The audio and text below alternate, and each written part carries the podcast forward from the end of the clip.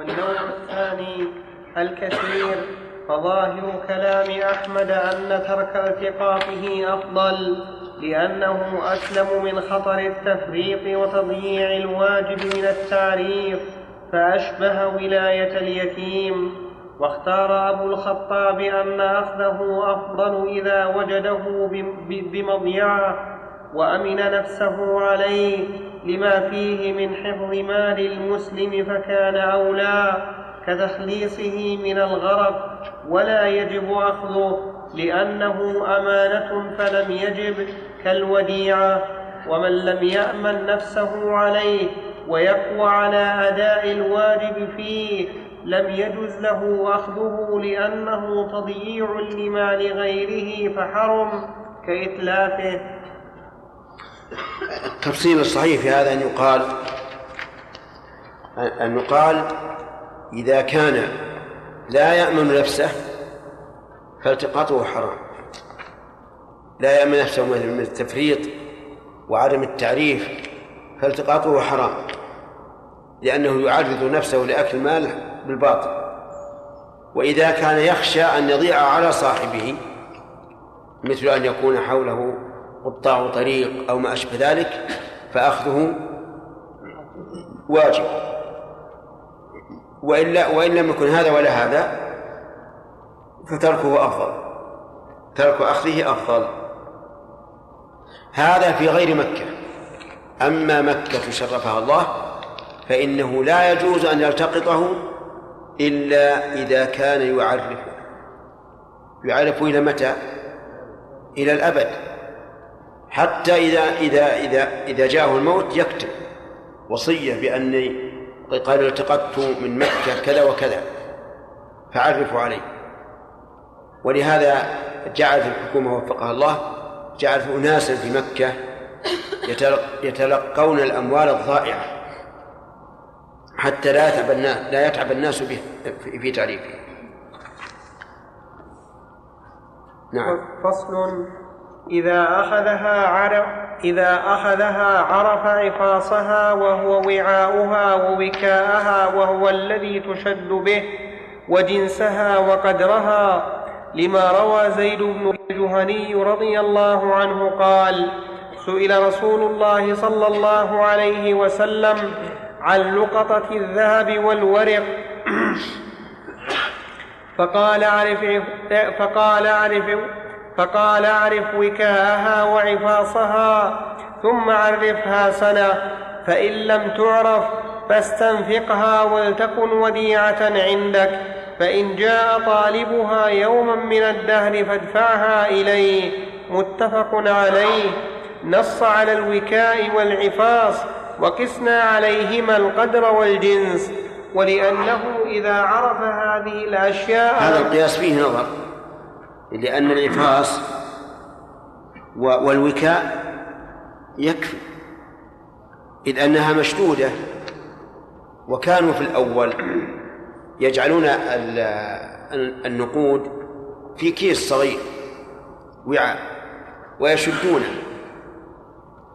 فإذا وجد الإنسان هذا الكيس فإنه لا لا يلزمه أن يحله وينظر ما فيه من النقود. جنسا وقدرا بل يبقيه كما هو مشدودا على ما هو عليه ثم يعرفه. وإذا جاء صاحبه يستفصل منه.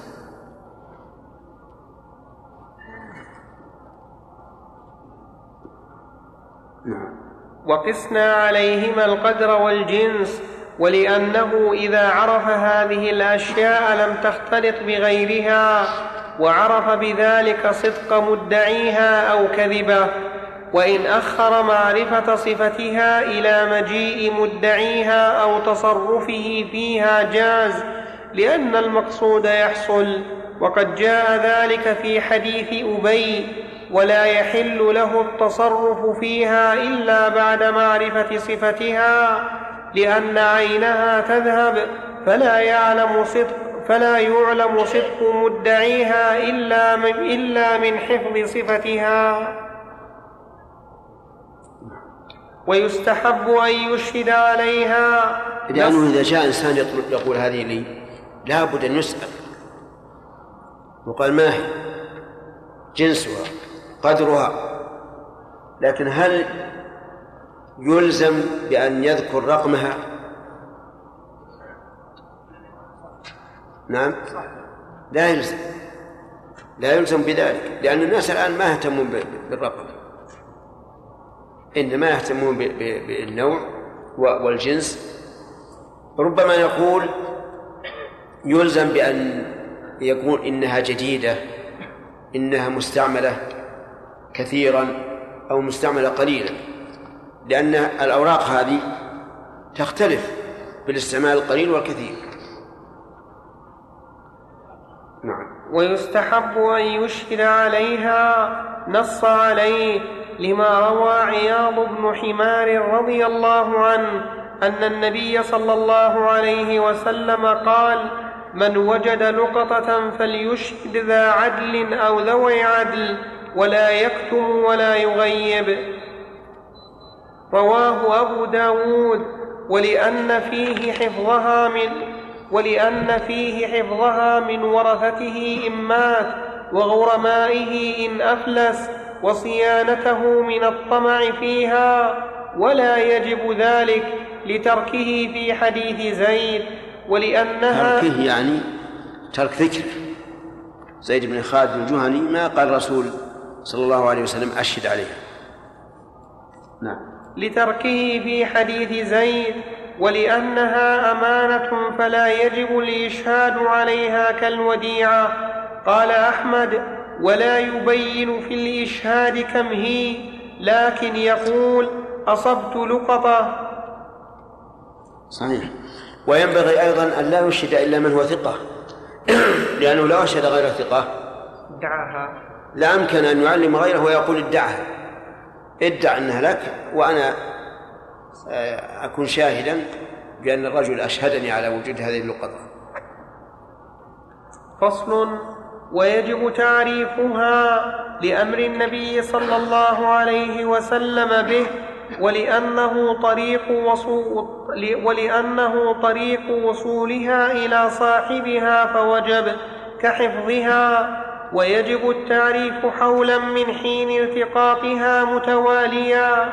لأن النبي صلى الله عليه وسلم أمر به عند وجدانها والأمر يقتضي الفور ولأن الغرض وصول الخبر وظهور, وظهور أمرها وإنما يحصل بذلك لأن صاحبها إنما يطلبها عقيب ضياعها. ويكون التعريف في مجامع الناس كالأسواق وأبواب المساجد وأوقات الصلوات لأن المقصود إشاعة أمرها وهذا طريقه ويكثر منه في موضع وجدانها وفي الوقت الذي يلي التقاطها ولا يعرفها ولا يعرفها في المسجد. لقول رسول الله صلى الله عليه وسلم من سمع رجلا ينشط ضالة في المسجد فليقل لا ردها الله عليك فإن المساجد لم تبن لهذا. رواه مسلم ويقول من ضاع منه كذا يذكر جنسه يعني لا يجوز ان أن ينشدها في المسجد وهو حرام. وذلك لأن النبي صلى الله عليه وسلم أمر من سمعه أن يدعو عليه فيقول لا ردها الله عليك. ولكن هل يقول فإن المساجد لم تبنى لهذا؟ أو نقول إن هذا تعليل للحكم الشرعي؟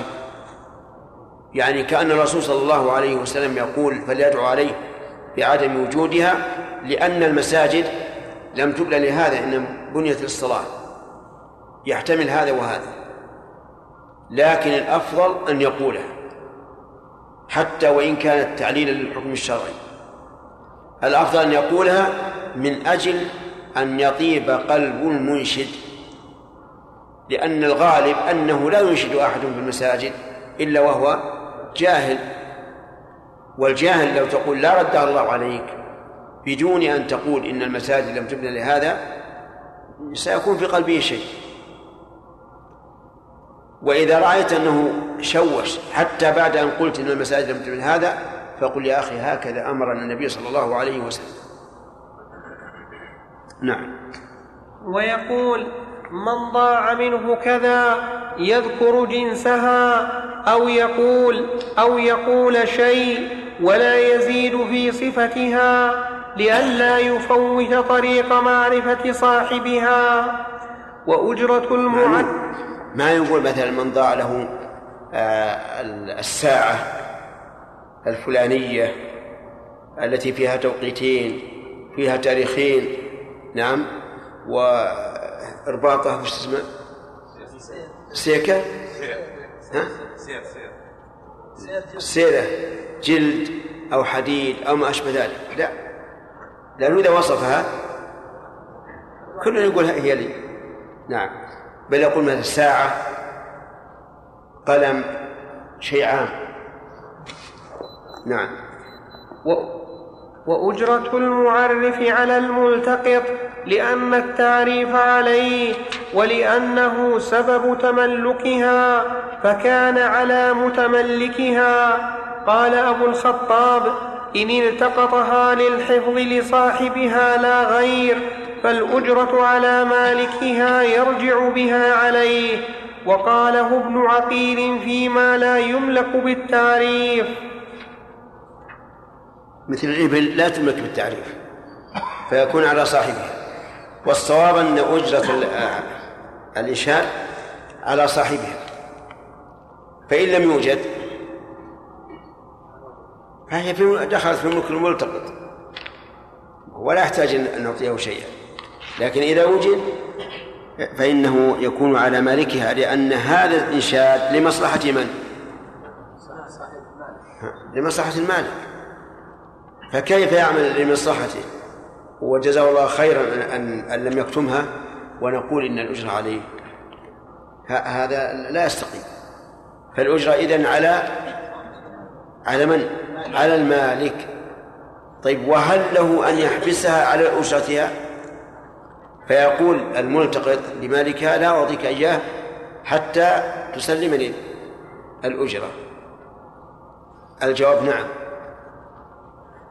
لأن هذه الأجرة لمصلحة العين فله أن يحبسها على أجرتها كما يحبس المبيع على القول الراجح على ثمنه. والله أعلم. في في باب اللقطة فصل فإذا جاء مدعيها فوصفها بصفاتها المذكورة لزم دفعها إليه لأمر النبي صلى الله عليه وسلم به ولأنها لو لم تدفع بالصفة لتعذر وصول صاحبها إليها لتعذر إقامة البينة. فإن وصفها اثنان أقرع بينهما فمن قرع صاحبه حلف وسلمت إليه كما لو ادعى الوديعة اثنان وقال أبو الخطاب تقسم بينهما وإن وصفها أحد. القول الصحيح بسم الله الرحمن الرحيم. القول الأول أصح لأن هذه اللقطة لواحد منهما بلا شك. هي لواحد منهما بلا شك.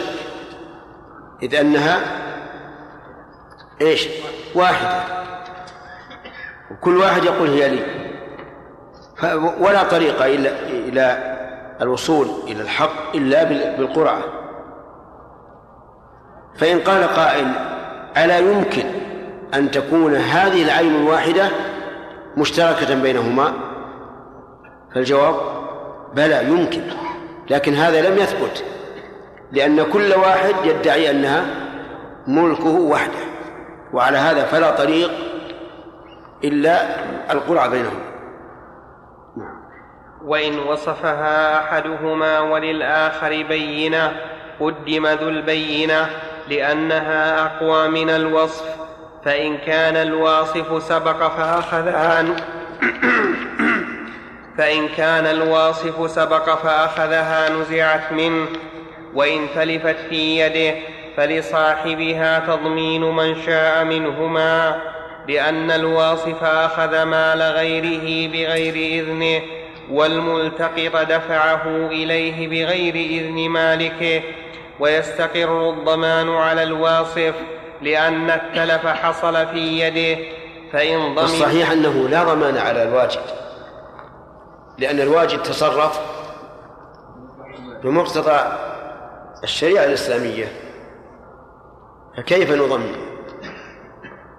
فيقال لمن له بينة؟ خاصم الرجل الذي وصفها وأخذها. أما أن نضمن من وجدها وقام بما يجب عليه فهذا قول ضعيف. والصواب أنه إذا آه، تحرى وفعل ما جاءت به السنة فلا ضمان عليه نعم. وإن ضمن الملتقط رجع عليه إلا أن يكون الملتقط دفعها إليه بحكم دفعها إليه بحكم حاكم فلا يضمن لأنها تؤخذ منه قهرا. وإن أتلفها الملتقط فغرمه الواصف عوضها ثم جاء صاحب البينة لم يرجع إلا على الملتقط لأن الواصف إنما أخذ مال الملتقط ولم يأخذ اللقطة ثم يرجع الملتقط على الواصف. فصل. يلتقي يرجع الملتقط على الواصف بما أخذ منه. القيمة التي عوضها عوض بها عن اللقطة يأخذها. فصل. وإن لم تعرف دخلت في في ملك الملتقط عند الحول حكما كالميراث لقول النبي صلى الله عليه وسلم في حديث زيد فإن لم تعرف فاستنفقها وفي لفظ وإلا فهي كسبيل مالك ولأنه كسب مال بفعل فلم يعتبر فيه اختيار التملك كالصيد. واختار أبو الخطاب أنه لا يملكها إلا باختياره. لأنه تملك مال ببدل فاعتبر فيه اختيار التملك كالبيع. والغني والفقير سواء في الظاهر أن قول ابن الخطاب أصح. أنها لا تدخل في ملكه إلا بالاختيار. لأن هذا الحديث ليس بواضح بدخولها بغير اختيار لأن استنفقها يعني لك أن تستنفقها. وكذلك وإلا فهي كسبيل مالك يعني في جواز آه، الاستمتاع بها الانتفاع بها. الظاهر إن قول أبي الخطاب أصح. ولكن إذا قال الملتقط أنا لا أريد فماذا يصنع بها؟ يدفعها إلى بيت المال. يدفعها إلى بيت المال وبذلك آه، تبرأ ذمته. فإن لم يكن بيت المال منتظما فإنه يتصدق بها كالمال المجهول. كالمال المجهول مالكه يتصدق بها بالنية عن من هي له. والغني والفقير سواء في هذا لأن النبي صلى الله عليه وسلم لم يفرق ولأنه تملك مال بعوض أشبه البيع. فصل وما جاز التقاطه ووجب تعريفه ملك به. نص عليه أحمد في الصياد. في الصياد يقع في شبكته الكيس والنحاس. يعرفه سنة. فإن جاء صاحبه وإلا فهو كسائر ماله. وهذا ظاهر كلام الخرقي وقال أكثر أصحابنا لا يملك غير الأثمان لأن الخبر ورد فيها ومثلها لا يقوم مقامها من كل وجه لعدم تعلق الغرض بعينها فلا يقاس عليها غيرها. قال أبو بكر ويعرفها أبدا وقال القاضي هو مخير بين ذلك وبين دفعها إلى الحاكم. وقال الخلال كل من روى عن أبي عبد الله أنه يعرفه سنة ثم يتصدق به والذي نقل عنه أنه يعرفها أبدا قول قديم رجع عنه والأول أولى لما روى عمرو بن شعيب عن أبيه عن جده قال أتى رجل رسول الله صلى الله عليه وسلم فقال يا رسول الله كيف ترى في متاع يوجد في الطريق الميتاء أو في قرية مسكونة؟ قال عرفه سنة فإن جاء صاحبه وإلا فشأنك به. رواه الأثرم. وقال عمر بن الخطاب رضي الله عنه في في عيبة وقال عمر بن الخطاب رضي الله عنه في عيبة عرفها سنة فإن عرفت وإلا فهي لك. أمرنا بذلك رسول الله صلى الله عليه وسلم ولأنه مال العيبة هذه حسب تشبه الشنطة من جلود توضع فيها الثياب. وكذلك أيضا تطلق على الوعاء الذي يجعل فيه التمر والطعام. أي نعم. ولأنه مال يجوز التقاطه ويجب تعريفه فملك به كالأثمان وقد دل الخبر على جواز أخذ الغنم مع تعلق الغرض بعينها. فيقاس عليها غيرها. فصل. وهذا هو الصواب بلا شك. أن اللقطة سواء من من الأثمان أو من الأعيان تعرف سنة فإن جاء صاحبها وإلا فهي للواجد فعندنا الآن ما يملك بمجرد الالتقاط وضابطه ألا تتبعه همة أوساط الناس. وما يحتاج إلى تعريف سنة وبعده يملك ونذكر القسم الثالث الذي لا يملك بالتعريف. ولا يجوز التقاطه وهو الإبل والضوال التي تمنع تمتنع مستغل السباع. وما, وما بين ذلك يجوز التقاطه.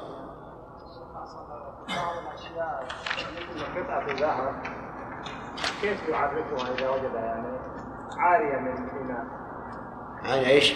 إذا وجدها يعني ساقطة بدون اناء ولا عفاس ليس لها عفاس ولا أي نعم كيف تعرفها؟ لو بين يعني يخاف عليه لا لا يستطيع أن يقول مثلا آه، انشد انشد اللقطة أو انشد صاحب اللقطة من معدن ثمين مثلا أو يقول من ذهب ثم إذا ادعاها أحد يقول ما قدرها ما حجمها ما نوع الذهب؟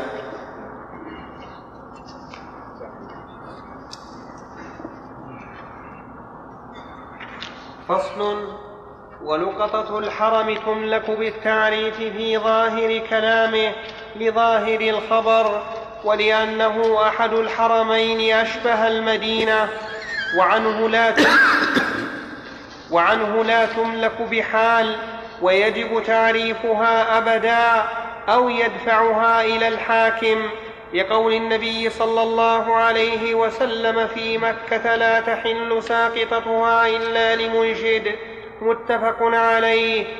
وهذا أصح أن لقطة مكة لا تملك بأي حال من الأحوال وأنه يجب تعريفها أبدا.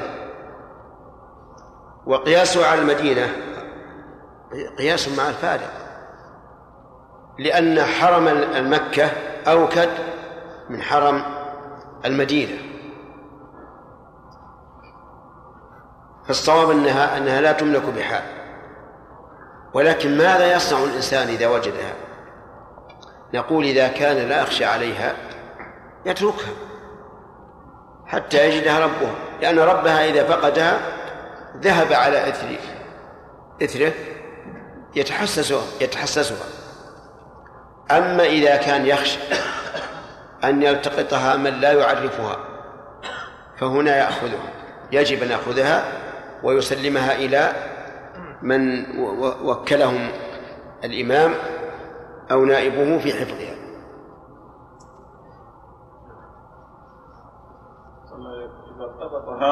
إذا التقطها. أخذ إيش؟ أخذ اللقطة من مكة؟ إيه. من مكة؟ إيه نعم. آه. ثم أراد أن يرجعها إلى مكانها ما يمكن. لا يمكن. إذا أخذها فإنه لا يمكن أن يردها. إن ردها فهو ضامن على كل حال.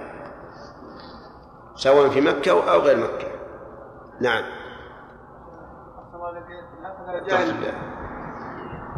سك الله. أحسن الله إليك. إذا التقط اللقطة من الحرم. إيش؟ إذا التقط اللقطة من الحرم. نعم. جاهل لحكمه. نعم. ثم أخذها إلى بلده. ولما علم في بلده في حكمه ماذا يفعل؟ يفعل يرسلها إلى إلى الجهة المسؤولة في مكة وتبرأ بهذا ذمته ولا تصدق لا. ما يمكن. اللهم إذا إذا كان ال- المدة طويلة بحيث أنه ييأس من وجود صاحبها. فهنا يتصدق بها في مكة لا في بلده. لأن الصدقة في مكة أفضل من من الصدقة في بلده. وهو قد وجدها في مكة فليكن ثواب الصدقة ثواب الصدقة في مكة في مكة. نعم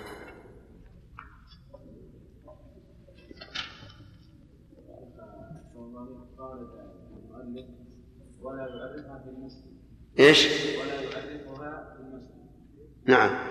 واستشهد بالحديث من سمع رجلا ينشد ضالا نعم. هل في انشاد الضالة في التعريف؟ أي التعريف قاسوه على هذا. ولا الحديث في إنشاد الضالة اللي يطلب يقول من عين كذا. فصل.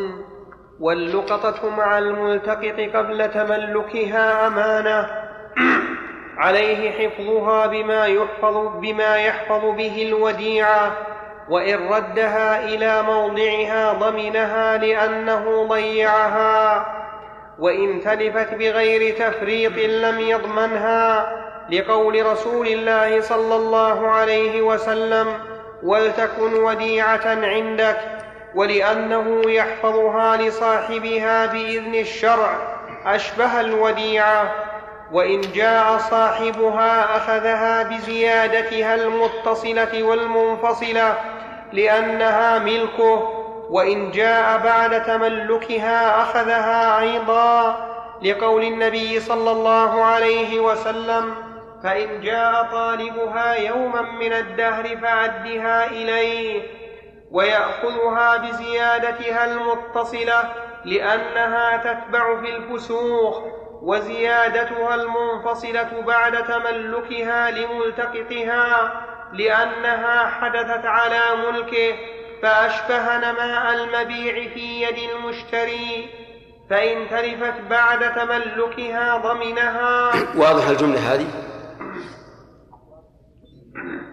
نعم ولا لا؟ ها؟ طيب. إذن الزيادة المنفصلة إن كانت بعد تملكها بعد تمام السنة المنفصلة فهي للملتقط لأنها دخلت ملكه.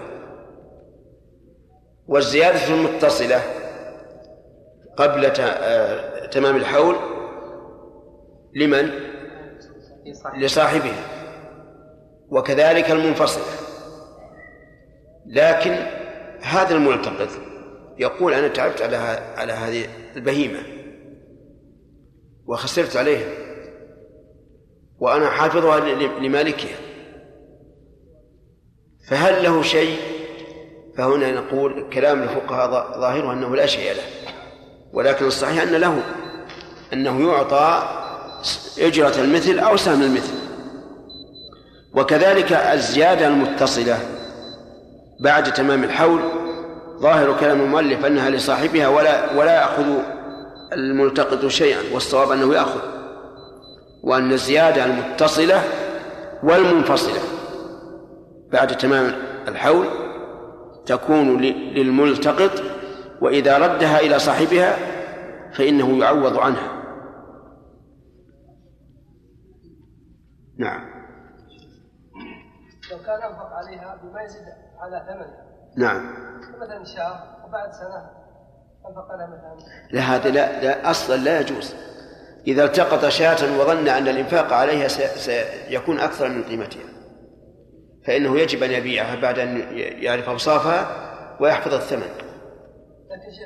فإن لم يفعل فهو ضامن فهو ضامن ولا يرجع بشيء.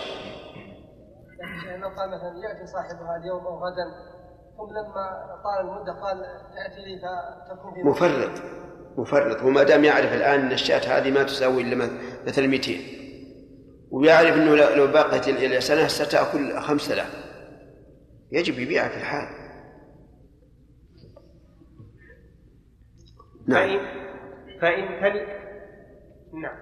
فإن تلفت بعد تملكها ضمنها لأنها تلفت من ماله وإن نقصت بعد التملك فعليه أرش هذه مش هذه يلغز بها. يقال إذا تلفت بعد تملكه إياها أي بعد تمام الحول ضمنها على كل حال. وإن تلفت قبل لم يضمنها لم يضمنها إلا إذا تعدى أو فرط. والفرق بينهما أنها قبل تمام الحول على ملك صاحبها وهذا أمين. لا يضمن إلا بالتعدي أو التفريط وأما بعد الملك فهو ملكها فعليه نقصها. كما أن له غنمها فعليه غرمها فيضمن بكل حال. لكن على قول أبي الخطاب الذي صححناه لا يضمن. إن بقيت فهي أمانة عنده إذا لم يختر التملك. ثم إن اختار التملك أو قلنا بأنه يملكها قهرا ففي تضمينه إياها إذا لم يتعدى أو يفرط. فيه فيه نظر في الواقع لأن تملكه إياها إذا قلنا بأنه يملكها حكما بغير اختياره وإذا قلنا يملكها باختياره فقد استند إلى سبب شرعي للتملك فكيف يضمن؟ فالمسألة تحتاج إلى تحرير فيما إذا تلفت بلا تعد ولا تفريط بعد بعد تمام الحول. طيب لو لو ذبحها بعد تمام الحول وجاء صاحبه يضمن أو لا؟ يضمن يضمن معلوم لأنه أتلفها هو بنفسه. وإن باعها أو وهبها بعد تملكها صح لأنه تصرف صادف مل صادف ملكه فإن جاء صاحبها في مدة الخيار وجب فسخ البيع وردها إليه لأنه يستحق العين وقد أمكن ردها إليه وإن جاء بعد لزوم البيع فهو كتلفها لأنه تعذر ردها.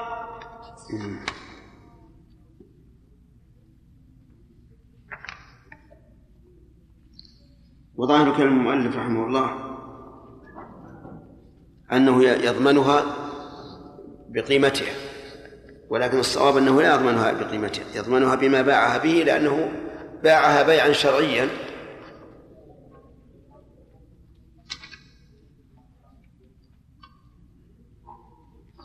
باعها بعد التملك. نعم.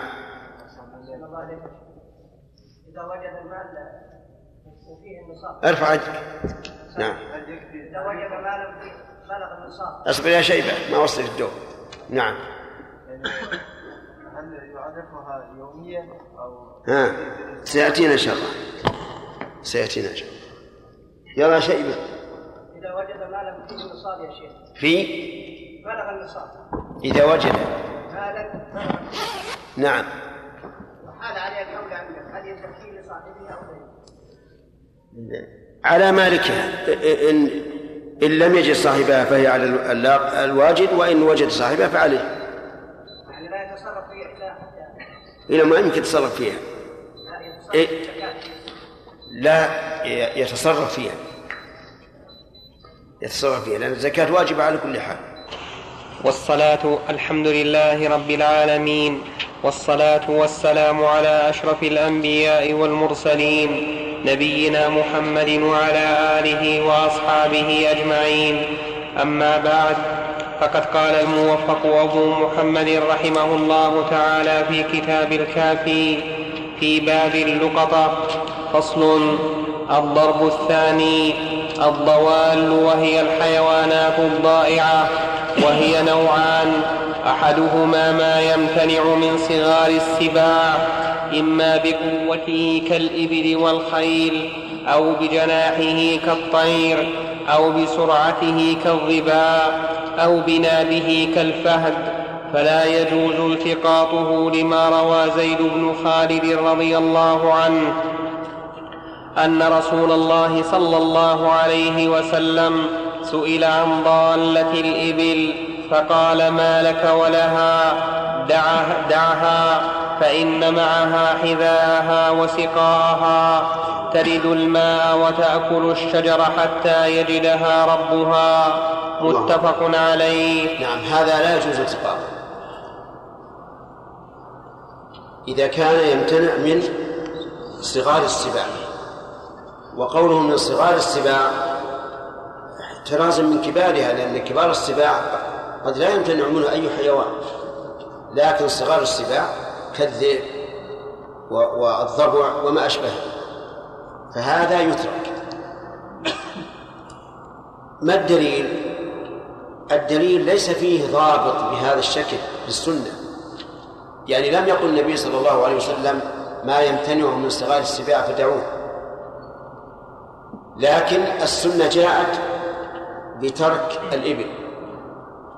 فاستنبط العلماء رحمهم الله من من ذلك أي من هذا المثال أن العلة أن الإبل تمتنع من صغار السباع الذئب ونحوه.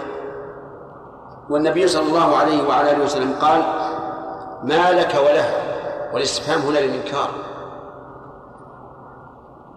أنكر عليه الصلاة والسلام أن أن يتعرض لها. دعها. الأمر هنا للوجوب. يعني اتركها. فإن معها حذاءها وسقاءها. حذاؤها الخف وسقاؤها البطن. لأن الإبل تمشي ولا يهمها شدة الحر في الرمضاء ولا شدة الحر في الظماء لأنها إذا وردت الماء ملأت بطنها. وبقيت أياما حتى في شدة الحر. وقول تلج الماء هذا كالبيان لقوله معها سقاؤها وحذاؤها. تلج الماء هذا في تعليل لقوله سقاء. تأكل الشجر حذاء فهي لوجود الخف وسعة البطن لا تتأثر. وقوله حتى يجدها ربها. كيف حتى يجدها ربها؟ نعم. لأن الإبل تأوي إلى مأواها. ولذلك أحيانا يبيع الرجل البعير التي بقيت عنده مدة فإذا بها راجعة إليه. إذا بها راجعة إليه. وقول عليه الصلاة والسلام حتى يجدها ربها. يستفاد منه أنه إذا كانت الإبل في مسبعة أو في قطع طريق فإنها تؤخذ. لأن النبي صلى الله عليه وعلى آله وسلم إنما منع من أخذها لترجع إلى ربها. فإذا كنا نعلم أو يغلب على أو يغلب على ظننا أنها لن تعود إلى ربها لوجود قطاع الطريق أو لكون الأرض مسبعة سباعها كثيرة فحينئذ نلتقطها بنية حفظها لصاحبها. نعم. وللإمام أخذها ليحفظها لأربابها لأن للإمام ولاية في حفظ أموال المسلمين.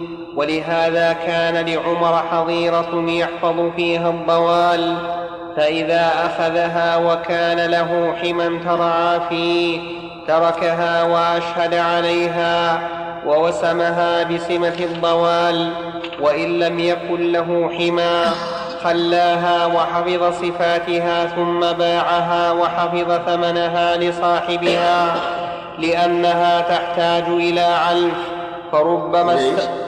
تحتاج إلى علف. علف يعني تعليف. وليس المراد العلف العلف يعني التعليف. لأنها تحتاج إلى علف فربما استغرق ثمنها وإن أخذها غير الإمام أو وإن أخذها غير الإمام أو نائبه ضمنها ولم يملكها وإن عرفها فإن دفعها إلى الإمام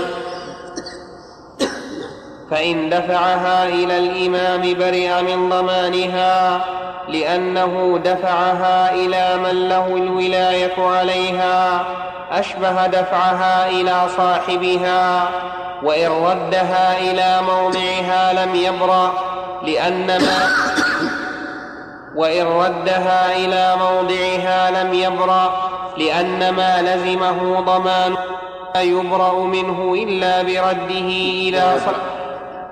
لأنه لأن ما لزمه ضمانه لا يبرأ منه إلا برده إلى صاحبه أو نائبه كالمسروق. كل هذا واضح لأن الإبل لا يجوز التقاطها فإن التقطها فهو قاصد يضمنها وإن ردها إلى الإمام أو نائبه برئ منه. نعم. شيخ حسن نعم.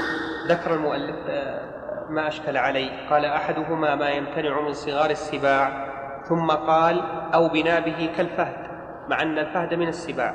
معلش مع أقول مع أن الفهد من السباع. نعم. فكيف؟ لكن الفهد يملك. الفهد يملك ليس كالكلب. يملك ويباع ويشترى. فإذا عرفنا أن هذا الفهد أليف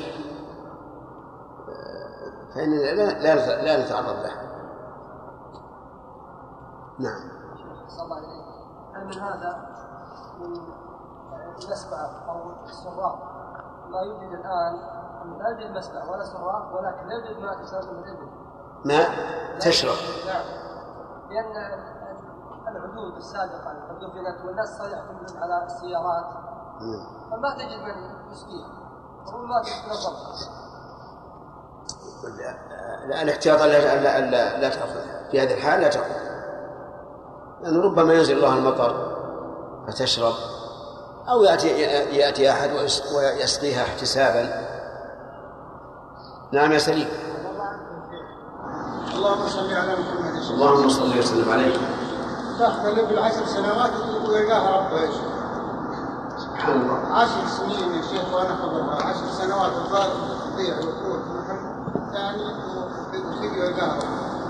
لا إله إلا الله. سبحان الله. حتى يوم يكون يوم يلقاها ربها ما يدونها إلا بالوسم ما يعرفونها إلا بالوسم الوسم صحيح وهذا معنى قول الرسول حتى يجدها ربه. ثم الإبل لها شم قوي جدا جدا. حاسة الشم فيها قوية جدا. فإن قوما سافروا إلى أطراف الجزيرة مارين بمكان يسمى الدهنة مقطعة وعطشوا ما ظلوا الطريق وعطشوا وكانوا ثلاثة عشر نفرا وصاروا يتساقطون من ظهور الإبل ويموتون. إلا واحدا لم يأتي أجله فربط نفسه ربطا قويا على ناقته وتركه. يقول في نفسه هي سوف ترد الماء. وأنا الآن لا, لا نتحرك ولا في حراك. فربط نفسه الإبل وردت الماء. فعلا وهذا الرجل سبحان الله أبقاه الله عز وجل حتى أنقذه الله على أيدي الذين يسقون. أنزلوه من البعير ومرسوا له تمرا بالماء وأسقوه قليلا قليلا لأنهم لو أسقوه حتى يروى يموت على طول. أسقوه قليلا أسقوه يعني جرعة وبقوا قليلا. ثم جرع ثم جرع حتى صح. فقالوا ما وش العلم؟ قال العلم أنا معي 13 نفر. كلهم هذه إبلهم والظاهر أنهم سقطوا وماتوا. اتبعوا الأثر. فتبعوا الأثر فوجدوه. سبحان الله. كل واحد ميت ساقط ميت. القصد من هذه القصة أو من إرادة هذه القصة أن تعرفوا أن الإبل سبحان الله لها شم قوي. تعرف الموارد الماء. ولذلك ما وقفت إلا على الموت نعم. السباع التي يجوز بيعه من من السباع كل ما ينتفع به يجوز بيعه إلا الكلب. فصل. النوع الثاني ما لا ينحفظ عن صغار السباع كالشاة وصغار الإبل والبقر ونحوها. فعن أحمد لا يجوز عندي عندي ما لا ينحفظ. كان مقتضى التعبير أن يقول ما لا يمتنع. لأنه في الأول قال أحدهما ما يمتنع. وهذا المراد مراد ما لا ينحفظ يعني ما لا يمتنع. فعن نعم. فعن أحمد لا يجوز التقاطها لأنه روي عن النبي صلى الله عليه وسلم لا يؤوي الضالة إلا ضال رواه أبو داود. ولأنه حيوان أشبه الإبل والمذهب جواز التقاطها لما روى زيد بن خالد أن النبي صلى الله عليه وسلم سئل عن الشاة فقال خذها فإنما هي لك أو لأخيك أو للذئب متفق عليه وهذا يخص عموم الحديث الآخر ولأنه يخشى عليها التلف أشبه غير الضالة وسواء وجدها الصحيح في الصواب في الاستدلال؟ المقابل لا ينوي الضالة إلا ضال يعني الضالة التي نهي عن التقاطها وهي من؟ الإبل. الإبل. أو معنى لا يؤوي أي لا يجعلها في مكان ولا ولا ينشدها. وكلاهما ضال من يأخذ الإبل ومن يسكت عن آه، الغنم وشبهها. كلاهما ضال. وحينئذ لا نقول يخص عموم الحديث الآخر. بل نقول عام أريد به الخصوص. والعام الذي أريد به الخصوص لم يقصد شموله لعموم الأفراد من الأصل. وحينئذ فنقول ليس هناك تخصيص لأن هذه الصورة لم تدخل أصلا في الحديث.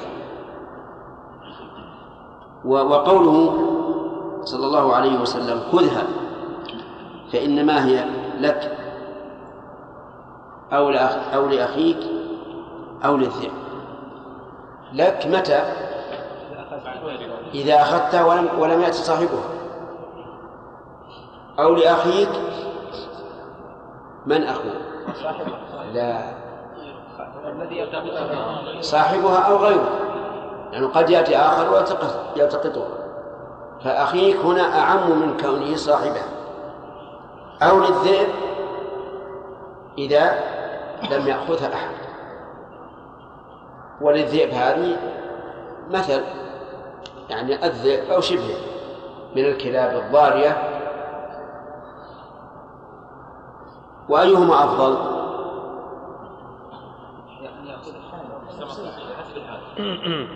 الأفضل أنه إذا رأى أن بقاءها سبب لهلاكها أن يأخذها وإلا فالأفضل ترك. نعم. وسواء وجدها في المصر أو في مهلكة لأن الحديث عام فيهما ولأنه مال يجوز التقاطه فاستويا فيه كالأثمان.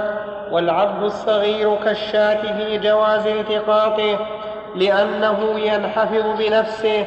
لا. نعم. لأنه لا ينحفظ بنفسه. فأما الحمر فألحقها أصحابنا بالنوع الأول لأن لها قوة فأشبهت العبد الصغير يعني كوننا نقتصر على جواز التقاطه فيه نظر. لأن العبد الصغير إذا كان مميزا آه، أو مراهقا ربما يعطيك خبرا عن سيده وتعرف سيده بخلاف الشاة وشبه أيضا الخطر من الفتنة على العبد الصغير أشد من الخطر على على الشاة لا سيما إذا كان هذا الغلام جميلا فإنه فتنة عظيمة فلذلك أنا لا ينبغي أن يقال له مثل الشاة بل, بل هو أشد حرمة واحتراما. نعم. فأما الحمر فألحقها أصحابنا بالنوع الأول لأن لها قوة فأشبهت البقر وظاهر حديث زيد إلحاقها بالغنم لأنه علل أخذ الشاة بخشية الذئب عليها والحمر مثلها في ذلك وعلل المنع من الإبل بقوتها على ورود الماء وصبرها بقوله معها سقاؤها والحمر بخلافها. أيهما أولى؟ كلام المؤلف أو كلام الأصحاب المؤلف. نعم. المؤلف. الجزاء ما ما أجاب. ما الأقوال ما أعرف أصحابه. ما تعرف الحمر؟ لا أنا أعرف فهمت الأقوال لكن ما أعرف أصحابه. آه أصحابنا يعني الفقهاء. المؤلف يقول رحمه الله إن أصحابنا ألحقوها بالنوع الأول يعني بالإبل. ولكن هو يميل إلى أنها تلحق بالشاة. نعم يا آدم. أيهما أقرب؟ أقرب من تلحق بالشاة ولا بالإبل؟ الحمر يا شيخ. أي نعم. الحمر أقرب إلى الشاة. إلى الشاة. نعم. نعم. ها. نعم. لا ما في حسب الحمار. كل الحمر لا تكن كابن جني كل شيء في قولين كسب بحسب ما أصبر. يقولون إن الحمار من أجبل ما يكون. وأنه إذا شم رائحة الذئب فرج بين رجليه وجعل يبول. يعني يعجز ولا يمشي. فكيف يكون كالإبل؟ عندي شيء آدم؟ طيب. نعم. في مصر يعني كيف اي نعم. في البلد في المدينة. أحسنت. لا هذا إذا علمنا أنها لقطة أما إذا علمنا أنها سابحة حتى لو كانت في البر. البر القريب من مصر تصلح إلى الغنم وترجع. لكن إذا علمنا أنها ضالة لكن هل عندكم هناك يعني تصلح في مصر؟ ها؟ بدون راعي هل عرفتم ذلك؟ نعم موجود فيه في مصر ونعم موجود أنا أخبر في مكة المكرمة قبل أن تكثر السيارات سوارع في, في الأسواق. ترعى مما يلقيه الناس من الخبز وشبهه. وإذا كان آخر النهار جاءت إلى أهلها ملأى من اللبن. لا الحمر الوحشية تمتنع من السباع هي صيد.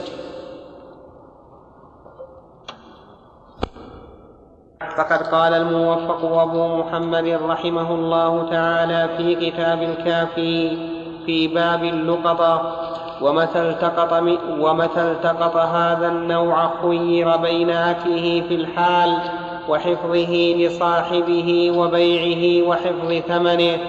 لقول النبي صلى الله عليه وسلم هي لك أو لأخيك ولم يأمره بحفظها ولأن إبقاءها يحتاج إلى غرامة ونفقة دائمة فيستغرق قيمتها فإن اختار إبقاءها وحفظها لصاحبها فهو الأولى وينفق عليها لأن به بقاءها فإن لم يفعل ضمنها لأنه فرط فيها. وإن أنفق عليها متبرعا لم يرجع على صاحبها وإن نوى الرجوع على صاحبها وأشهد على ذلك ففي الرجوع به روايتان بناء على الوديعة. وإن اختار أكلها أو بيعها لزمه حفظ صفتها ثم يعرفها عاما فإذا جاء صاحبها دفع إليه ثمنها أو غرمه له إن أكلها ولا يلزمه عزل ثمنها إذا أكلها لأنه لا يخرج من ذمته بعزله فلم يلزمه كسائر ما يلزمه ضمانه وإن أراد بيعها فله أن يتولى ذلك بنفسه لأن ما ملك أكله فبيعه أولى. فإذا عرف كثير من العوام يقول إن لقطة إن هذا النوع من اللقطة إذا وجده الإنسان فله أن يأكله مجانا لأن النبي صلى الله عليه وسلم قال هي لك أو لأخيك أو للذئب. وهذا غلط لأن ملك صاحبها باق عليها. فإذا أكلها ضمنها لصاحبها. أما الذئب فهذا يعني إذا تركها إذا تركها أكل الذئب. وقول أو لأخيك أعم من صاحبها. لأخيك الذي يجدها من بعدك أو أخيك الذي هو صاحبها. وعلى كل حال فكما قال الموفى رحمه الله مخير. بين هذه الأشياء الثلاثة إبقائها بيعها إيش؟ أكلها. فإذا باعها حفظ الثمن وإذا أكلها ضمنها بالقيمة. والثالث الإبقاء. والإبقاء أولى إلا إذا كان في ذلك ضرر على صاحبها. فمثلا إذا كان الناس في خصم والربيع متوفر ومؤونتها سهلة فهنا إيش؟ إبقاؤها أولى لأنها قد تسمن وإذا كانت أنثى فقد تلد وأما إذا كان الأمر بالعكس المؤونة شديدة والده والوقت جد فهنا بيعها لا نقول أولى بيعها متعين أو أكلها ويضمن الثمن القيمة. لأن إبقاءها مع الجد والإنفاق عليها ضرر. على من؟ على صاحبها. نعم. فإذا عرفها حولا ولم تعرف ملكها إن كانت باقية أو ثمنها إن باعها. لأن حديث زيد يدل على ملكه لها لأنه أضافها إليه بلام التمليك ولأنه مال يجوز التقاطه فيملك بالتعريف كالأثمان وعنه لا يملكها والمذهب الأول. فصل وإن التقط ما والصواب أنه يملكها لا شك. إذا تم الحول ولكن كيف يعرفها؟ هل كل يوم يعرفها؟ وأين يعرفها؟ فالسؤال الآن عن الزمان وعن المكان. نقول أما الزمان فيعرفها بما جرت به العادة. في أول التقاطها يعرفها كل يوم. وإذا طال الزمن يعرفها بعد عشرة بعد عشرة أيام بعد نصف شهر. كلما بعد الزمن خف التكرار. أما في المكان فيعرفها في أقرب بلد إليه. أو إذا كان بدو نازلون في في في البر فيعرفها في أقرب أماكن البدن نعم. مسألة إذا أنفق عليها ونوى ما يرجع لا شك. إي نعم. أنفق عليها بنية الرجوع يرجع لا شك. أما بنية التبرع فلا يرجع. لكن إذا كان لم ينوي تبرعا ولا رجوعا إنما نوى حفظ هذه الشاة مثلا. فإنه يرجع. فإنه يرجع لأنه إنما أنفق لحفظ مال صاحبها. إيش؟ ما هو شرط بشرط؟ فصل وإن يحيى. هل يسقط التعريف إذا خاف هل؟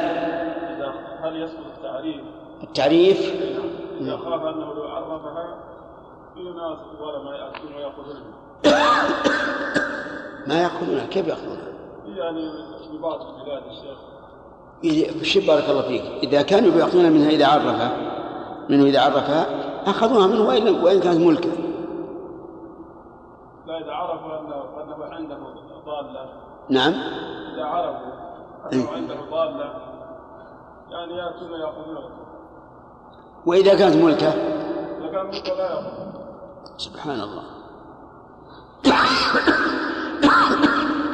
على كل حال لا بد يعرف وإذا عرفها الآن وآتى هؤلاء الظلم وأخذوها فهو في حل إلا إذا كان يقدر على مدافعتهم ولم يفعل فصل وإن التقط ما لا يبقى عاما كالبطيخ. كالبطيخ والطبيخ لم يجز تركه ليتلف فإن فعل ضمنه لأنه فرط في حفظه فإن البطيخ تعرفونه. والطبيخ؟ الطعام المطبوخ. إي نعم. فإن كان مما لا يبقى بالتجفيف كالبطيخ خير بين بيعه وأكله. وإن كان يبقى بالتجفيف كالعنب والرطب فعل ما فيه الحظ لصاحبه من بيعه وأكله وتجفيفه فإن احتاج في التجفيف إلى غرامة باع بعضه فيها وإن أنفقها من عنده رجع بها لأن النفقة ها هنا لا تتكرر. لأن النفقة هو ها هنا لا تتكرر. بخلاف نفقة الحيوان فإنها تتكرر فربما استغرقت قيمته فلا يكون لصاحبها حظ في إمساكها إلا بإسقاط النفقة عنه. وإن أراد بيعها فله البيع بنفسه لما ذكرنا في بيع الضوال وعنه له بيع اليسير. فأما الكثير فإنه يرفعه إلى السلطان والقول في تعريفه وسائر أحكامه كالقول في الشاه فصل قال أحمد من اشترى سمكة فوجد في بطنها درة فهي للصياد وإن وجد دراهم فهي لقطة لأنها لا تبتلع الدراهم إلا بعد ثبوت اليد عليها وقد تبتلع درة من البحر مباحة فيملكها الصياد بما فيها فإن باعها ولم يعلم بالدرة لم يزل, ملك لم يزل ملكه عنها كما لو باع دارا له فيها مال لم يعلم به. فصل وإن وجد اللقطة اثنان فهي بينهما لأنهما اشتركا في السبب فاشتركا في الحكم وإن ضاعت من واجدها فوجدها آخر ردها على الأول لأنه قد ثبت له الحق فيها فوجب ردها إليه كالملك وإن رآها اثنان فرفعها أحدهما فهي له لقول النبي صلى الله عليه وسلم من سبق إلى ما لم يسبق إليه مسلم فهو له. وإن رآها أحدهما فقال للآخر ارفعها ففعل فهي لرافعها لأنه مما لا يصح التوكيل فيه. وينبغي أن نقيد هذا بما إذا لم يكن للآمر السلطة في توجيه الأمر إلى الآخر. كالسيد يقول لعبده خذها وكالإنسان يقول لخادمه خذها. لأن هذا إنما أخذها خدمة لسيده لم يأخذها لنفسه. فينبغي أن يقيد كلام المؤلف رحمه الله بهذا. نعم. أما أما إذا كان اثنين متصاحبين ومرا بنقطة وقال أحدهما الآخر خذها وليس له سلطة عليه فهنا لا شك أنها تكون لمن؟ للرافع. للآخر. فصل فإن التقطها صبي أو مجنون أو سفيه صح التقاطه لأنه كسب بفعل فصح منه كالصيد فإن صح منه كالصيد ف فإن تلفت فإن تلفت في يده بغير تفريط لم يضمنها لأنه أخذ ما له أخذه وإن تلفت بتفريط ضمنها ومتى علم وليه بها لزمه نزعها منه وتعريفها لأنها أمانة والمحجور عليه ليس من أهلها فإذا تم تعريفها دخلت في في ملك واجدها حكما كالميراث.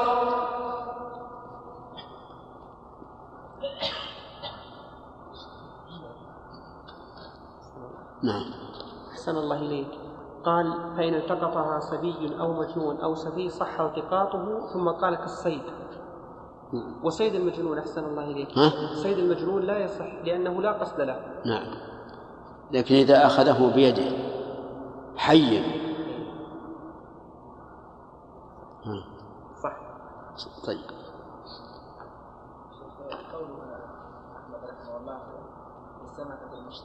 نعم.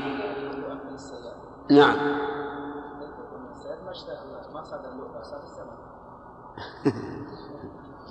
لكن هو هو الذي أخذ السمكة بما فيها اللقطة يعني ما ليس غواصة لا أي هو غواص بياخذ السمك وجابها الله له. نعم ليبيعها. لكن هل لو علم ان إن فيها درة هل يبيعها بخمس ريال؟ هذه نعم. فصل. ويصح التقاط العبد بغير إذن سيده لعموم الخبر. ولما ذكرنا في الصبي ويصح تعريفه لها لأن له قولا صحيحا فصح تعريفه كالحر فإذا تم تعريفها ملكها سيده لأنها كسب عبده ولسيده انتزاعها منه قبل تعريفها لأن كسب عبده له ويتولى تعريفها أو إتمامه وله وله إقرارها في يد عبده الأمين ويكون مستعينا به في حفظها وتعريفها ولا يجوز إقرارها في يد من ليس بأمين لأنها أمانة فإن فعل فعليه الضمان وإن علم العبد أن سيده غير مأمون عليها لزمه سترها عنه ويسلمها إلى الحاكم ليعرفها ثم يدفعها إلى سيده بشرط الضمان. وإن أتلفها العبد فحكم ذلك حكم جنايته وإن عتق العبد بعد الالتقاط فلسيده أخذها لأنها كسبه. نعم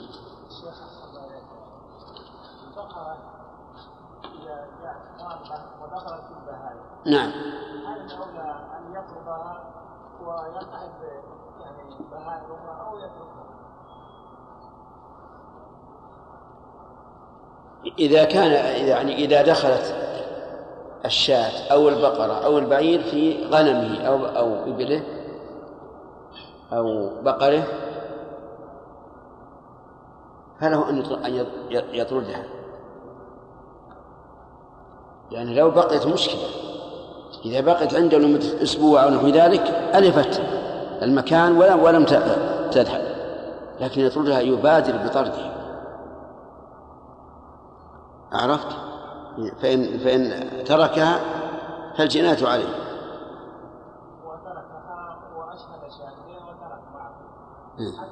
يمين؟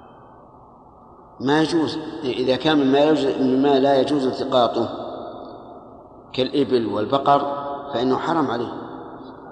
لا يؤوي الضالة إلا ضال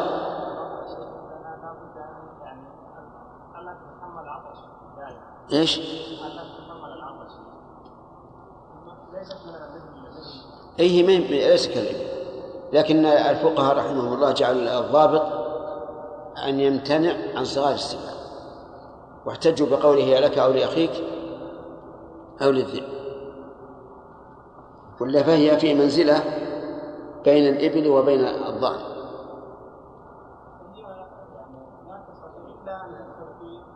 إيش؟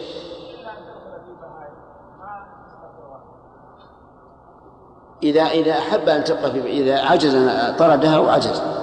فلا بد أن أن يبحث عن صاحبها وينشدها تكون ضالة. نعم. فصل والمكاتب كالحر لأن كسبه لنفسه والمدبر وأم الولد كالقن ومن نصفه حر وش هو القن هذا؟ ها؟ إيه.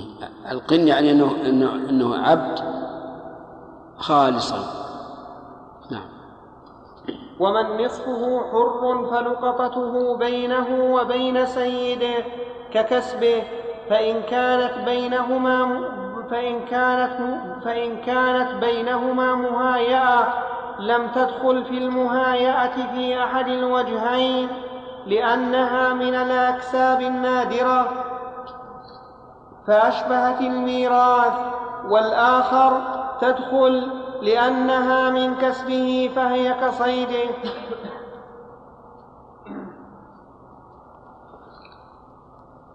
وفي الهدية والوصية وسائر الأكساب النادرة وجهان كاللقطة فصل. والذمي كالمسلم للخبر ولأنه كسب يصح من الصبي فصح من من الذمي كالصيد وال والفاسق كالعدل لذلك لكن إن علم الحاكم بها ضم إليه أمينا يحفظها ويتولى تعريفها لأنها أمانة فلا تؤمن خيانته فيها فإذا عرفها ملكها ملتقطها. فصل ومن التقط لقطة لغير التعريف ضمنها ولم يملكها وإن, عرف وإن عرفها لأنه أخذها على وجه تحرم عليه فلم يملكها كالغاصب ومن ترك التعريف في الحول الأول لم يملكها وإن عرفها بعد لأن السبب الذي يملكها به قد فات ولا يبرأ منها إلا بتسليمها إلى الحاكم. وظاهر كلامه أنه لو عرفها في آخر الحول برئت ذمته. ولكن الراجح أنها لا تبرأ وأنه إذا أخرها عن أول وجودها فإنه ضامن لأن صاحبها إنما يطلبها متى؟ في أول ضياعة منه فيكون مفرطا ومعتديا أيضا. نعم. فصل؟ ما بقي إلا فصل. فصل ومن ترك دابة بمهلكة فأخذها إنسان فخلصها ملكها. لما روى الشعبي قال حدثني غير واحد من أصحاب رسول الله صلى الله عليه وسلم أن رسول الله صلى الله عليه وسلم قال من وجد دابة قد عجز عنها أهلها فسيبوها فأخذها فأحياها فهي له ولأن فيه إنقاذا للحيوان من الهلاك. مع نبذ مع نبذ صاحبه له فأشبه السنبل الساقط. فإن كان مكانها عبد لم يملك لأنه في العادة يمكنه التخلص. وإن كان متاعا لم يملك لأنه لا حرمة له في نفسه. الصواب في هذه المسألة أن من ترى من وجد دابة أن من ترك دابة ثم وجدها إنسان فإما أن يتركها عجزا عنها نعلم أنه تركها عجزا لأن ما مثلها لا يترك زهدا. فهذا لا يملكه آخر ولكن لآخذه أجر مثل وأما إذا تركه لكونه ليس برغبة كما فعل جابر رضي الله عنه حين أراد أن يسيب جمله فهذا لا بأس أن نقول إنه يملكه يملكه آخر. وكذلك يقال في المتاع إذا علمنا أن صاحبه تركه رغبة عنه فهو لمن وجده. وإذا علمنا أنه تركه عجزا عن حمله وأنه وأن الغالب أنه يرجع ويحمله فهو لصاحبه. ومن ذلك ما يوجد الآن في في في السيارات التي أصيبت بحوادث. هل يجوز للإنسان أن يأخذ منها ما يصلح من العدة؟ لأن صاحبها تركها. أو يقال في هذا التفصيل يقال في هذا التفصيل إذا علمنا أن هذه هذه التي أصابها الحادث حادثها يسير وأن صاحبها سيرجع. فلا يجوز لأحد أن يأخذها أن يأخذها أو يأخذ منها شيئا. أما إذا علمنا أنها دامرة وأن صاحبها تركها لا يريد الرجوع إليها فله أن يأخذ منها ما يراه صالحا. أما بعد فقد قال الموفق أبو محمد رحمه الله تعالى في كتاب الكافي باب اللقيط وهو الطفل المنبوذ والتقاطه فرض على الكفاية. لأنه إن جاء آدمي من الهلاك فوجب كتخليص الغريق. اللقيط هو الطفل المنبوذ أو الطفل الذي ضل عن أهله. وهذا الثاني يقع كثيرا. لا سيما في مواسم الحج والعمرة. لكن الذي يوجد في مواسم الحج والعمرة لا يعتبر لقيطا. لأن هناك جهات معروفة مختصة تتلقى هؤلاء الأطفال. لكن لو علمنا أن أنه يعني قد سيبه أهله فحينئذ يكون آه، لقيط لقيطا. وأما الطفل الذي لا يستطيع أن يمشي فهذا لا شك أنه لقيط لأن الغالب أن أهله هم الذين نبذوه. وإن كان قد يقع أن يكون أهله فروا مثلا. فروا وعجزوا أن يحملوه فتركوه عجزا أو وضعوه في مكان ونسوا. المهم أن التقاطه فرض كفاية لأنه إن جاء معصوم من هلك وقول المؤلف إن جاء آدمي فيه تساهل.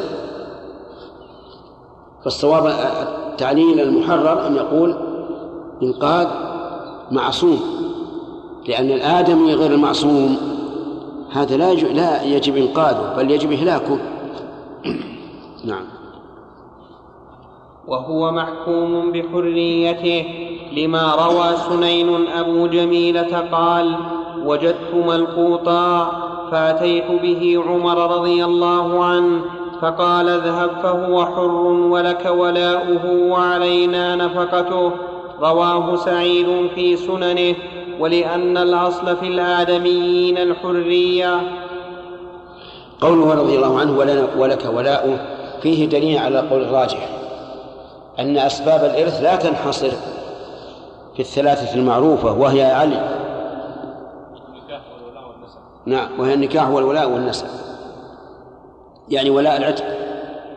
بل الولاء يكون ولاء العتق ولاء التقاط ولاء المحالفة وما أشبه ذلك مما يعتبر موالاة إذا فقدت الثلاثة. نعم. ويحكم بإسلامه في دار الإسلام إذا كان فيها مسلم. لأنه اجتمع الدار وإسلام من فيها وإن وجد في بلد فيه كفار ولا مسلم فيه فهو كافر لأن الظاهر أنه ولد كافرين.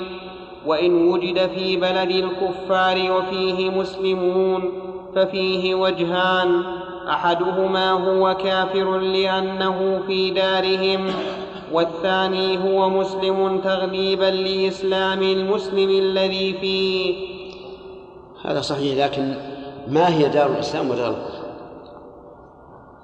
هل إذا كانت هذه البلدة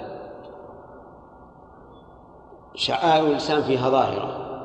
أذان جماعة جمعة صيام أعياد كل شعائر الإسلام فيها ظاهرة؟ لكن حكامها يحكمون بالقانون. عمدا وقصدا. هل نقول هذه بلاد إسلام ولا بلاد كفر؟ نقول بلاد إسلام. لأن المظهر مظهر إسلام. وإذا قصر الحكام أو اعتدوا فإن ذلك لا ينقلها إلى دار الكفر وما هيمن عليها الكفرة فهي دار كفر وإن كان يوجد فيها من يحكم بالإسلام. واضح؟ هذا هذا هو تعريف دار الإسلام. فدار الإسلام ما ظهرت فيه فيها شعائر الإسلام. وكان أهلها مسلمين. بقطع النظر عن الحكام. الحكام لهم شأنهم. وبه نعرف خطأ من يقولون في بلاد المسلمين التي يحكم فيها حكامها بالقانون إنها بلاد كفر هذه مسألة خطيرة. نعم. فصل وما يوجد عليه من ثياب أو بقي أن يقال إذا كان طفلا. قلنا إنه كافر. في بلاد الكفار أهلها كفار. ماذا يترتب لو قلنا إنه مسلم؟ يترتب عليه أنه إننا أننا إذا قلنا إنه مسلم فمات هذا الطفل. وجب أن يغسل ويكفن ويصلى عليه ويدفن في مقابر المسلمين إن كان هناك مقابر المسلمين. ينقل إلى بلد آخر في في مقابر المسلمين. وإذا قلنا أنه كافر انعكست الأحكام. هذا بالنسبة لأحكام الدنيا. أما بالنسبة لأحكام الآخرة فكما قال النبي صلى الله عليه وعلى آله وسلم لعائشة الله أعلم بما كانوا عاملين. يمتحنون يوم القيامة والله أعلم بما كانوا عاملين. نعم.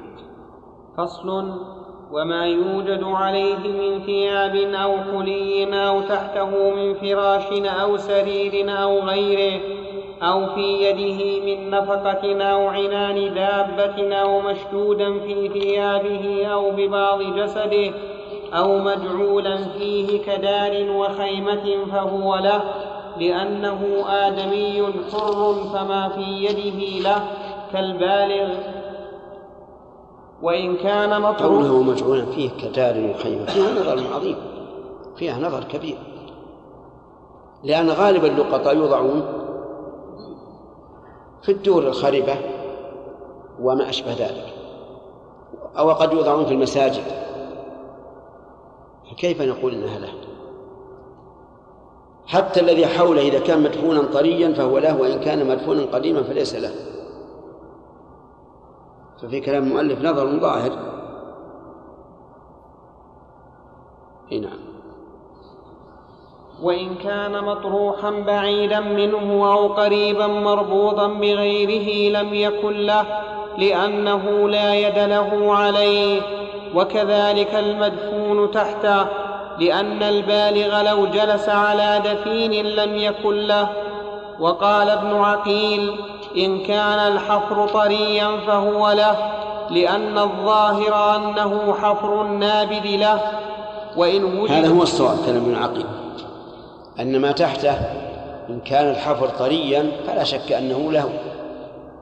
وكأن الذي نبذ جعل الحفر تحته لئلا يشعر به أحد إذا مر حوله. لأنه لو كان الحفر قريبا منه شعر به من رآه. فإذا كان تحته اختفى بالطفل ولم يعلم به أحد.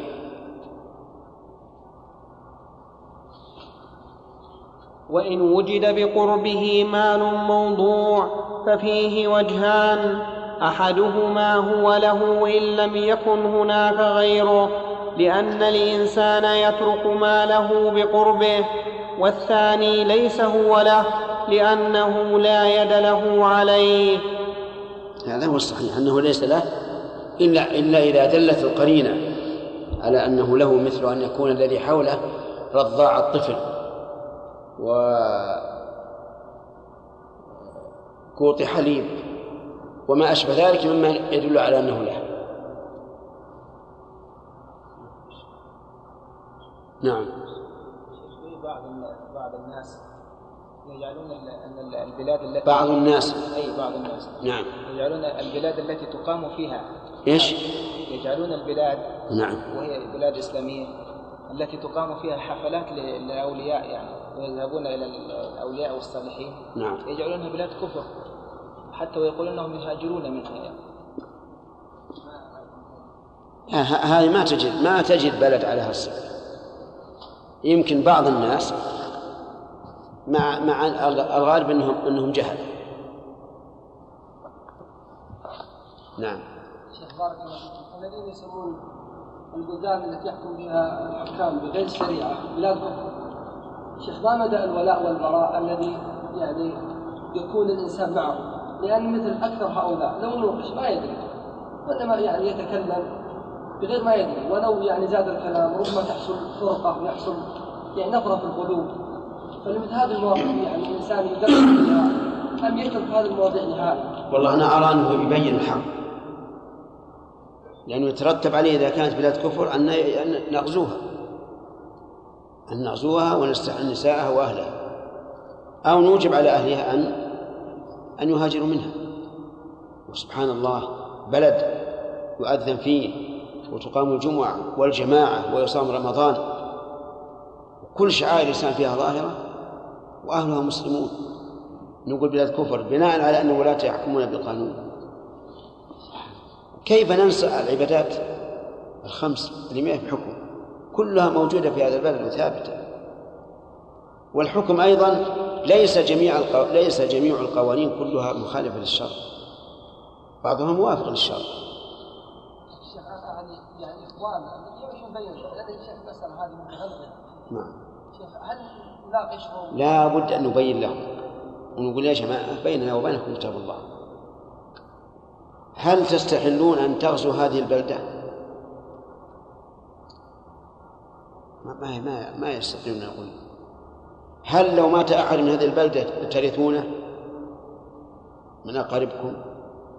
وأشياء كثيرة لأنه يلزم أن نقول بأنها بلاد كفر يلزم أن أن نكفر من فيها إلا إذا حاربوا السلطان أو الذي له آه الذي حكم بالقوانين. إذا غلب على ظن يعني المخاف والداعي أن هؤلاء لا يستجيبون له، إما أنهم جهلة أو أنهم إذا غلب على ظنه يقرر هو بنفسه ولا ولا يجادل. ويقرر الحاضرين كأنهم حاضرين يقرر لهم إن هذا إن هذا ليس ليس بلاد كفر. ثلاثة. اثنين. يا يحيى. بعض أولاد الزنا أهلهم يعني يتعمدون أن يلفون بالثياب ويضعونها في المساجد وكذا إيش؟ بعض أولاد الزنا. نعم يتعمدون أهلهم يعني يلفون بالثياب ويضعونها في المساجد وكذا. إيش؟ يلفونها بالثياب إيه؟ الصغير هذا الطفل هذا نعم ويضعونها في المساجد نعم والذي فعل هذا هل نقول أنه ارتكب كبيرة ولا أصل أصل الزنا كبيره أصل الزنا كبيره ولا يحل له ان ان ان, أن ينبذ هذا لأنه ربما لا لا لا لا يؤويه أحد. فمثل هذا إذا كان في بلد يوجد فيه حضانة ورعاية للأطفال فإنه يذهب إلى شخص أمين إذا كانوا لا يريدون أن أن يتبين أمرهم إلى إلى شخص أمين ويقول له خذ هذا وده الحكومة نعم. فصل. وينفق عليه من ماله لأنه حر فينفق عليه من ماله كالبالغ. ويجوز للولي الإنفاق عليه من غير إذن الحاكم لأنه ولي فملك ذلك كولي اليتيم. ويستحب استئذانه لأنه أنفى للتهمة. استئذان من؟ الحاكم. الحاكم نعم.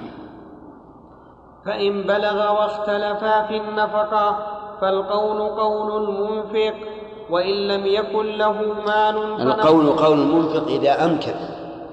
أما إذا لم يمكن فإن القول قول الصبي. أو أو يلغى قول هذا وهذا ويرجع إلى ما يقتضيه العرف. فلو قال واجده الذي هو ولي خالد وضحت عنه. نعم. اختلف اللقيط بعد أن بلغ. ومن التقطه؟ في مقدار النفقة. يقول المؤلف نقول قول قول منفق. القول قول منفق. لأنه مؤتمن وأمين. وكل أمين فالقول قول في مثل هذا الأمر. لكننا نقول ما لم تكذبه العادة.